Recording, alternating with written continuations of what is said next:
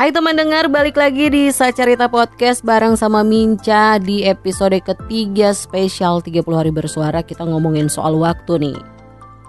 Ya ngomongin soal waktu di dunia voice over talent itu sangat-sangat luar biasa pengaruhnya dan sangat-sangat penting.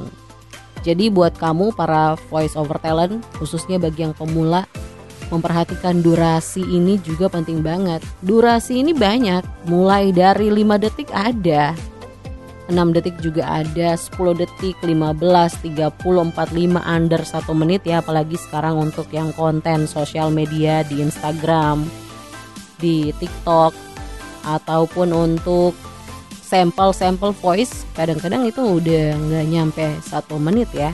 Dan gimana caranya biar kita bisa menyesuaikan durasi yang sependek itu misalnya ataupun durasi yang panjang karena durasi ini waktu itu punya tantangannya masing-masing. Bukan berarti ketika kita mengisi suara untuk project yang under satu menit itu akan lebih nyaman karena bisa lebih cepat. Enggak juga karena tantangannya juga banyak. Dan yang mengisi voice over talent untuk yang di atas satu menit 3 sampai 5 menit bahkan ada yang lebih dari itu. Khusus untuk konten audiobook juga punya tantangan tersendiri. Nah, kita mau denger nih dari Om Aldi Misrani, seorang profesional voice over talent dari Pangkalan Bun, Kalimantan yang akan berbagi khusus untuk teman dengar semuanya soal gimana sih caranya menyesuaikan durasi untuk para voice over talent dan gimana caranya supaya bisa mengejar deadline yang diberikan dari klien. Apa tips-tipsnya? Yuk kita dengarkan bareng-bareng. Salah satu tantangan yang uh, kita hadapi untuk uh, materi di bawah satu menit adalah narasi yang panjang sementara durasi sangat singkat. Nah, tantangannya tidak lain dan tidak bukan itu adalah uh, kemampuan kita untuk bisa bertutur atau berbicara dengan cepat. Ini yang memang harus dilatih, benar-benar harus dilatih. Intonasi yang nyaman, tone yang tepat, uh, lalu pelafalan yang jelas dan selanjutnya dan selanjutnya. Ini yang memang harus uh, harus benar-benar dilatih ya.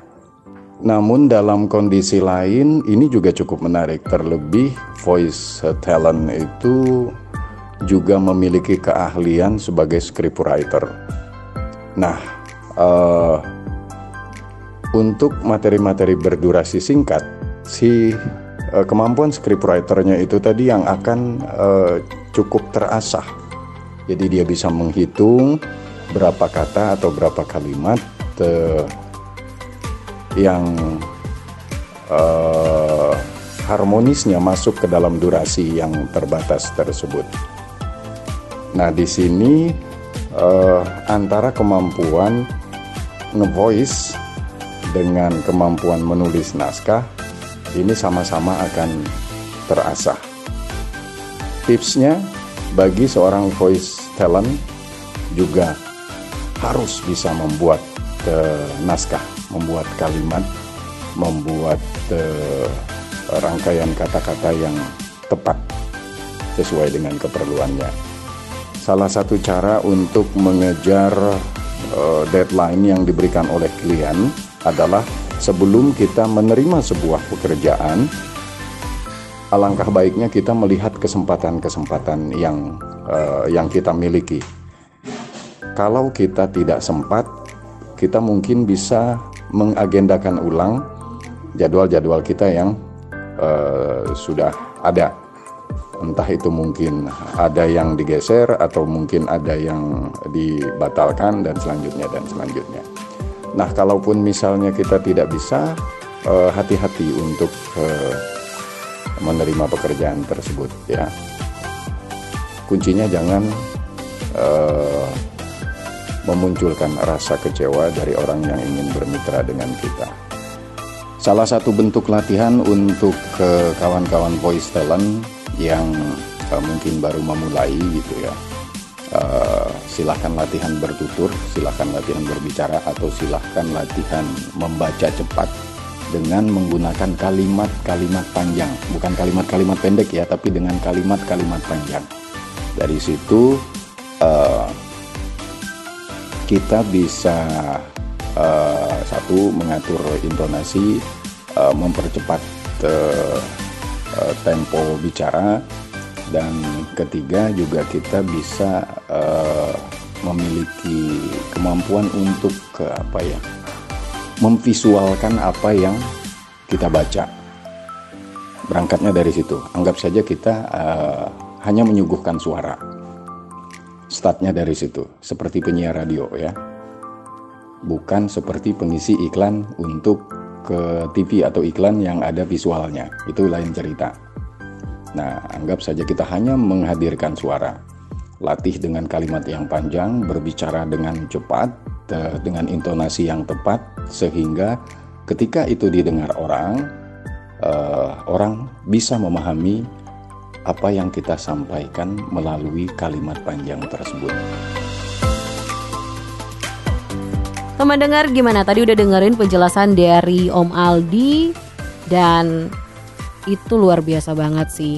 Banyak hal yang harus dipersiapkan tapi gak cuma itu aja kita juga bakal dengerin insight dari seorang voice over talent yang juga penyiar radio dari Madiun nih.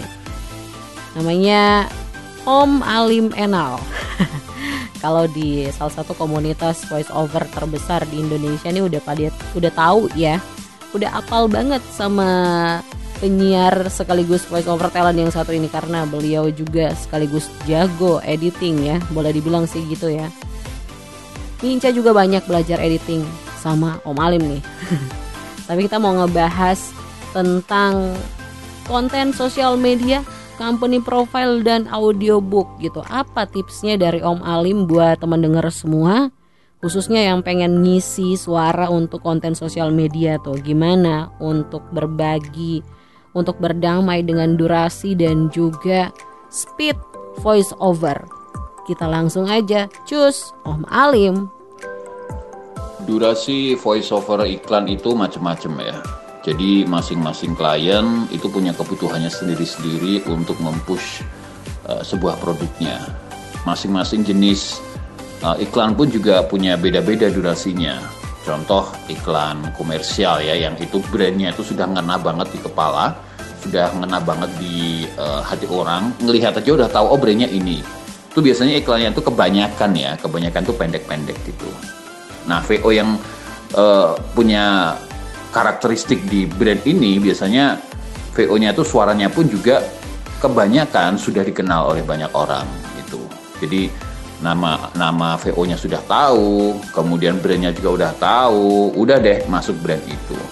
Dan durasi contohnya misalkan di media sosial di YouTube kayak gitu ada iklan yang durasinya cuma uh, eh, 6 detik, 7 detik kayak gitu. Biasanya umumnya sih sekitar kalau uh, YouTube tuh 6 detik ya rata-rata gitu.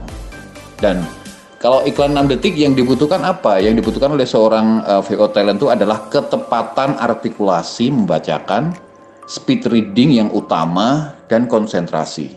Meskipun itu hanya 6 detik. Tapi kalau kata-katanya itu padat, kalimatnya itu padat gitu biasanya dua kalimat lah enam detik itu biasanya itu bagaimana si VO talent itu dia harus uh, cerdik dalam mengakali penekanan-penekanan, mengakali uh, mixingnya gitu. Maka dari itu seorang VO talent juga harus menguasai audio editing ya. Itu bagaimana dia merapatkan, tapi merapatkan bukan jadinya seperti suara robot kayak gitu enggak kan? Bukan seperti suara mesin enggak gitu. Jadi merapatkan tapi masih terdengar seperti suara manusia. Nah, di situlah uh, dibutuhkan yang namanya itu tadi dari sisi suara itu speed readingnya dilatih terus, terus kemudian juga artikulasinya juga harus jelas karena sangat sangat pendek durasinya 6 detik gitu harus padat gitu dan yang disampaikan pun juga harus jelas. Uh, aku nggak ngomongin V ya, uh, kalau V kan macam-macam masing-masing VOT dia punya standarisasi dirinya sendiri gitu. Ngomongin soal durasi aja. Kemudian ke untuk kompro atau company profile. Company profile itu rata-rata biasanya 5 4 5 menit kayak gitu biasanya. Dan VOT, suaranya VOT dalam durasi video yang 4 sampai 5 menit itu kalau dihitung nggak sampai 5 menit. Bahkan mungkin maksimal itu sekitar 2 sampai 3 menit secara total ya. Karena kan e, pasti tidak semua video itu full ada suaranya si dia, suaranya VOT itu. Pasti ada terjeda Nah, di situ kemampuan dari uh, seorang VOT kalau kompro itu uh, bukan meremehkan ya, kompro biasanya lebih mudah dalam mengisi suaranya, lebih bisa meresapi daripada yang uh, iklan durasi pendek 6 detikan untuk sosial media seperti itu. Ada lagi yang uh, berikutnya adalah audiobook. Kalau audiobook, waduh, ini butuh konsistensi, butuh kesabaran, butuh ke apa ya kekuatan fisik kita fit harus benar-benar fit kayak gitu. Vokal pun juga harus terus dipanasin harus dilatih. Tiap satu jam istirahat tiap dua jam istirahat gitu nggak bisa kan di forsir ini butuh istirahat. Dan beratus-ratus halaman itu membuat tidak cukup hanya satu hari selesai itu nggak mungkin gitu loh saya jamin VOT profesional iklannya udah ratusan udah bejibun pun nggak mungkin ratusan halaman itu selesai dalam satu hari karena apa? Karena kualitas vokal kita itu benar-benar dijaga saat mengisi audiobook. Biasanya butuh waktunya itu sekitar 2-3 hari biasanya, tergantung jumlah halamannya juga ya. Biasanya kalau 100 halaman eh, rata-rata e, itu biasanya 2 sampai 3 hari gitu. E, saya dulu pernah bikin e, audiobook itu yang jumlahnya saya lupa berapa halaman, banyak pokoknya. Ada 10 bab. Satu bab itu kalau nggak salah itu sekitar 12 atau 13 halaman gitu satu bab itu. Tinggal ngalikan aja berapa halaman gitu. Dan uh, di situ membutuhkan yang namanya konsistensi suara kita tetap stabil dari bab 1 sampai dengan bab 10 itu harus stabil, tidak ada uh, power yang berkurang sedikit pun. Kalau kita udah merasa capek udah selesai. Jangan dipaksakan gitu selesai istirahat, ambil jeda, kira-kira 1-2 jam kayak gitu, ngapain kayak nonton film kayak atau apa, kemudian lanjutin lagi. Kalau masih ada waktu uh, dikasih deadline-nya masih lama gitu, misalkan tiga hari gitu, jangan dipaksain langsung selesai dalam satu hari. Nggak akan maksimal hasilnya, mengecewakan klien nantinya. Jadi kalau audiobook memang cuannya lumayan, sangat-sangat lumayan kalau audiobook itu luar biasa menurut saya ya, menurut pengalaman saya. Tapi itu tadi, membutuhkan konsistensi, kesabaran, konsistensi suara, dan kesabaran kita untuk menyelesaikannya satu persatu pelan-pelan. Jadi beruntunglah buat teman-teman yang akan mendapatkan atau sudah mendapat pernah mendapatkan audiobook bisa merasakan sendiri pengalamannya di situ. Luar biasa. Oke, terima kasih. Mudah-mudahan cukup membantu teman-teman untuk uh, sedikit belajar tentang voice over talent meskipun singkat mudah-mudahan ada ilmu yang bisa diserap di dari apa yang saya sampaikan tadi. Itu ya. Kepanjangan nih Afni. 6 menit hampir 6 menit teman dengar kalau tadi kita udah dengerin insight dan juga penjelasan yang luar biasa keren kece dari Om Alim sekarang kita lanjut ke Solo ada Mbak Nur Atmaja yang akan berbagi juga buat teman dengar tentang dikejar deadline sama klien. Kalau ada permintaan VO dadakan gitu ya atau ada casting juga casting dadakan ini sebagai seorang voice over talent pemula apa yang harus kita lakukan? Kita nolak atau kita ambil proyeknya? Kalau kita ambil, nah kita harus menyiapkan apa nih? Langsung aja, biar nggak lama-lama, Mbak Nur akan sharing untuk teman dengar semuanya.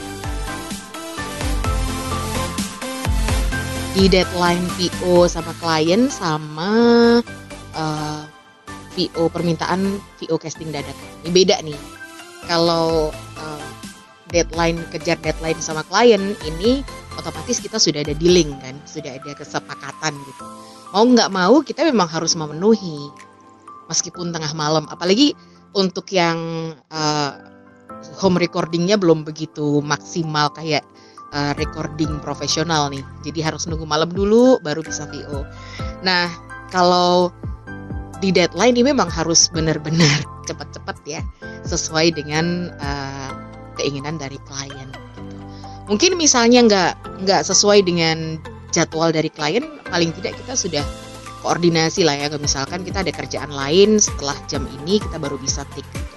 biasa nih saling saling saling uh, ngerti sih. Tapi kalau misalkan uh, benar-benar cepat banget nih biasanya dari agensi dari atau dari klien mesti nanyain terus gitu.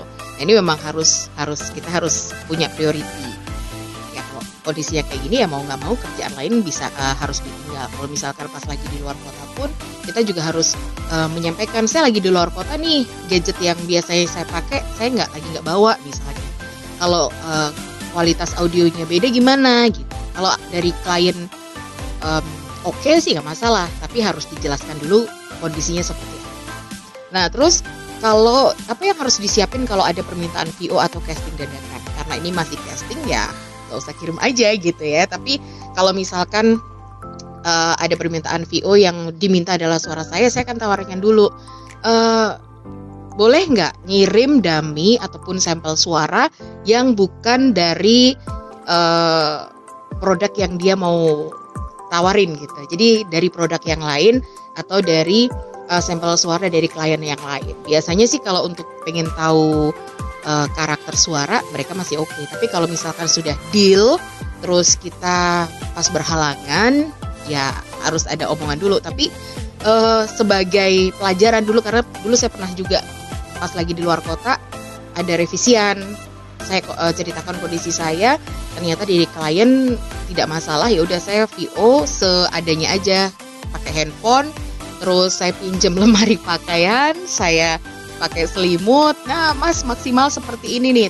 Akhirnya karena untunglah itu waktu itu uh, revisi minor ya. Jadi nggak begitu banyak revisian nggak begitu jomplang hasilnya. Ya akhirnya uh, klien nggak masalah. Tapi kalau misalkan sekarang ke mana pun kalau misalkan agak perginya agak lama sementara saya masih punya deal dengan klien yang belum selesai belum tuntas belum sampai payment nih saya harus bawa perangkat rekaman laptop uh, audio interface dan juga mikrofon gitu Yes, itu dia tips yang luar biasa kece dari Mbak Nur Atmaja.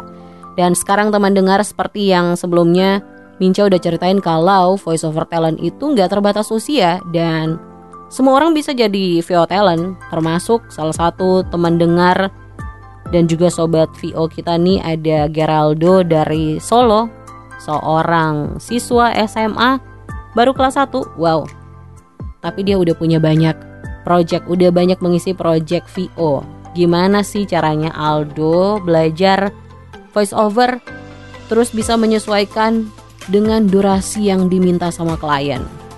Langsung aja, cus kita dengerin Aldo. Halo, perkenalkan saya Aldo, seorang voiceover talent yang masih terus belajar. Oke, kalau cara dari Aldo pribadi sih, Aldo akan nanya dulu ya berapa jumlah kata yang harus kita ucap dalam satu konten yang akan kita VO-kan. Kemudian, Aldo nanya juga berapa target durasi yang diinginkan oleh klien. Nah, pasti ada dong ya semacam perbandingan rasionalnya. Gak mungkin dalam satu menit tapi kita harus mengucapkan misal 400 kata gitu Harus selesai dalam satu menit. Gak mungkin ya, tricky banget pasti. Mungkin untuk kamu yang dengerin sekarang pasti bisa. Tapi kalau Aldo kayaknya udah nyerah deh ya. By the way, scriptwriter yang baik itu pastinya akan semacam test drive naskah yang udah dia buat gitu. Jadi kita yang nge-VO pun kemungkinan besar bisa karena apa yang kita ucapkan itu udah dipertimbangkan sama si scriptwriter atau pembuat naskah tadi. Nah, yang jadi pertanyaan, gimana kalau ternyata skripnya belum dites nih sama si SW-nya atau kliennya? Itulah tugas kita sebagai voice over talent untuk nyoba dulu nih. Kalau kita udah nyoba ternyata eh nggak pas, kita bisa lah ya diskusi dulu sama klien kita. Intinya komunikasikan dengan baik sama klien. Oke teman dengar itu dia insight dan tips kece dari Geraldo Semoga bisa menginspirasi kita semua dan khususnya untuk para pemuda yang ingin terjun di industri voice over ini Dan teman dengar sebelum Minca pamit nih, satu lagi kita dengerin pengalaman dan cerita VO dari sobat VO kita yang ada di Makassar. Yes. Kalau dengar kata Makassar kamu ingat apa sih? Coto Makassar. Rasanya mantap. Asik. Ada Kak Zahra yang akan berbagi ceritanya tentang dikejar-kejar deadline, dikejar waktu sama klien. Seperti apa ceritanya? Yuk kita langsung dengerin. Halo, saya Zara, pegiat voiceover asal Makassar. Well, um, mau cerita sedikit soal deadline ya. Jadi pernah suatu waktu saya terima job VO untuk channel YouTube olahraga ya. Di sini sistem kerja skripnya itu kita tunggu dari reporter lapangan yang biasanya dapat berita itu pas sudah selesai acara atau uh, infonya itu harus digali dulu. Nah, sering kali skripnya itu baru muncul jam 12 lewat ya, lewat yang lewat tengah malam. Kemudian uh, saya harus recording itu um, saat itu juga karena sebelum jam 7 ya dua jam sebelum jam 7 itu sudah harus dikumpulkan ke editor. Nah, masalahnya ya, terkadang saya hilaf ya baru bisa lihat skripnya itu di jam 3 karena terkadang saya tidak expect itu skripnya masuk di jam lewat tengah malam itu jadi saya harus perbaiki mood dulu warming up dulu biar suaranya tidak serak biar rambutnya enak ya. Kemudian harus kerja cepat karena durasinya uh, durasi skripnya itu biasanya lumayan panjang ya. Jadi harus bisa kerja cepat. Kalau bisa sih uh, no mistake langsung kirim. Tapi overall seru sih. Ini melatih juga buat kerja cepat kemudian taat sama deadline. Jadi kalau mungkin um, apa ya? Kalau mungkin ada teman-teman yang mau jadi VO talent atau mungkin terima job yang bisa dibilang bisa dibilang ongoing kerja cepat harus diingat juga kalau suara itu dagangannya kita yang kita jualkan. Jadi harus bisa uh, optimal Eh, kita berikan yang terbaik. Kemudian harus bisa pintar wak atur waktu juga. Kemudian ya harus terus belajar tentunya. Itu sih Teman dengar satu lagi yang spesial banget buat teman dengar yang khusus mau belajar tentang durasi voice over talent dari talent yang berasal dari kota Gudeg, Yogyakarta. Ada Mbak Dita. Langsung aja kita dengerin apa kata Mbak Dita soal berdamai dengan durasi voice over. Mbak Dita, silakan. Hai Afni, makasih banyak ya udah diizinin buat sharing di podcastnya Afni. Kalau aku sih cara berdamai dengan durasi VO dan deadline dari klien itu sebenarnya bukan satu hal yang susah. Apalagi ketika kita mengingat bahwa kita punya banyak kebutuhan, say. Jadi kalau ada pesanan VO dari klien itu udah alhamdulillah banget gitu. Mau dia pesannya mepet-mepet, mendadak gitu sih selama cuannya oke, ya aku okein gitu dan aku berusaha untuk berkomitmen. Nah, cuman memang saat ini kan uh, tantangannya tuh ada di anak ya. Kadang-kadang anakku tidurnya cepet, kadang-kadang tidurnya lama. Jadi jam kerjaku itu tergantung jam tidurnya anak-anak. Kalau anak-anak udah tidur, aku bisa take gitu. Nah, kalau misalnya anak-anak pas lagi tidurnya susah gitu lama, dan deadline-nya mepet banget, aku biasanya sih um, berkomunikasi dengan klien, mengkomunikasikan itu dengan bahasa yang baik gitu ya. Bilang aja uh, saat ini belum memungkinkan. Kalau aku sih mengutarakan alasan sebenarnya sih nggak masalah gitu. Kira-kira bisa nggak kalau mundur satu atau dua jam lagi atau misalnya kalau ini udah malam banget mundur besok pagi bisa nggak? Tapi kita emang harus bener-bener komitmen pagi-pagi banget tuh sebelum klien bangun kirimin deh VO-nya kita. Gitu sih Afni dan teman-teman yang mendengarkan. Wow teman dengar luar biasa banget ya insight hari ini. Kita banyak dapat banget tips dari sobat VO ada yang dari Kalimantan, dari Madiun, dari Solo maupun dari Makassar. Semoga ini bisa bermanfaat dan juga menginspirasi untuk teman dengar semua yang mau belajar dan terjun di dunia voice over. Durasi ini bisa kita bisa menyesuaikan dengan durasi kalau kita bisa terus-terus latihan. Speed, latihan pernafasan adalah kunci dari seorang voice over talent bisa menaklukkan durasi. Dan juga seorang voice over talent juga harus bisa mengucapkan kata-kata yang ada dalam naskah atau dalam skrip dengan jelas. Artikulasi nggak boleh ketinggalan. Kalau kita udah bisa cepat bacanya, udah bisa enak intonasinya, kata-katanya juga harus jelas buat dibaca. Itu penting banget. Dan seperti pesan dari Om Aldi tadi, sebagai seorang voice over talent harusnya juga kita bisa untuk menulis skrip. Karena bukan tidak mungkin kita bakal dapat job dua sekaligus sebagai voice over talent dan juga sebagai penulis skripnya. Jadi semuanya tetap semangat, semangat terus latihan, di mana pun bisa latihan, kapan pun terus untuk berlatih. Dengarkan banyak banget sampel dari para voice over talent yang sudah berkecimpung, bisa minta pendapatnya juga, sarannya, minta reviewnya, itu yang penting. Terus-terus belajar, terus-terus latihan, karena no latihan, nggak ada hasilnya. Thank you udah ngedengerin Sacarita hari ini. Sampai ketemu di episode berikutnya.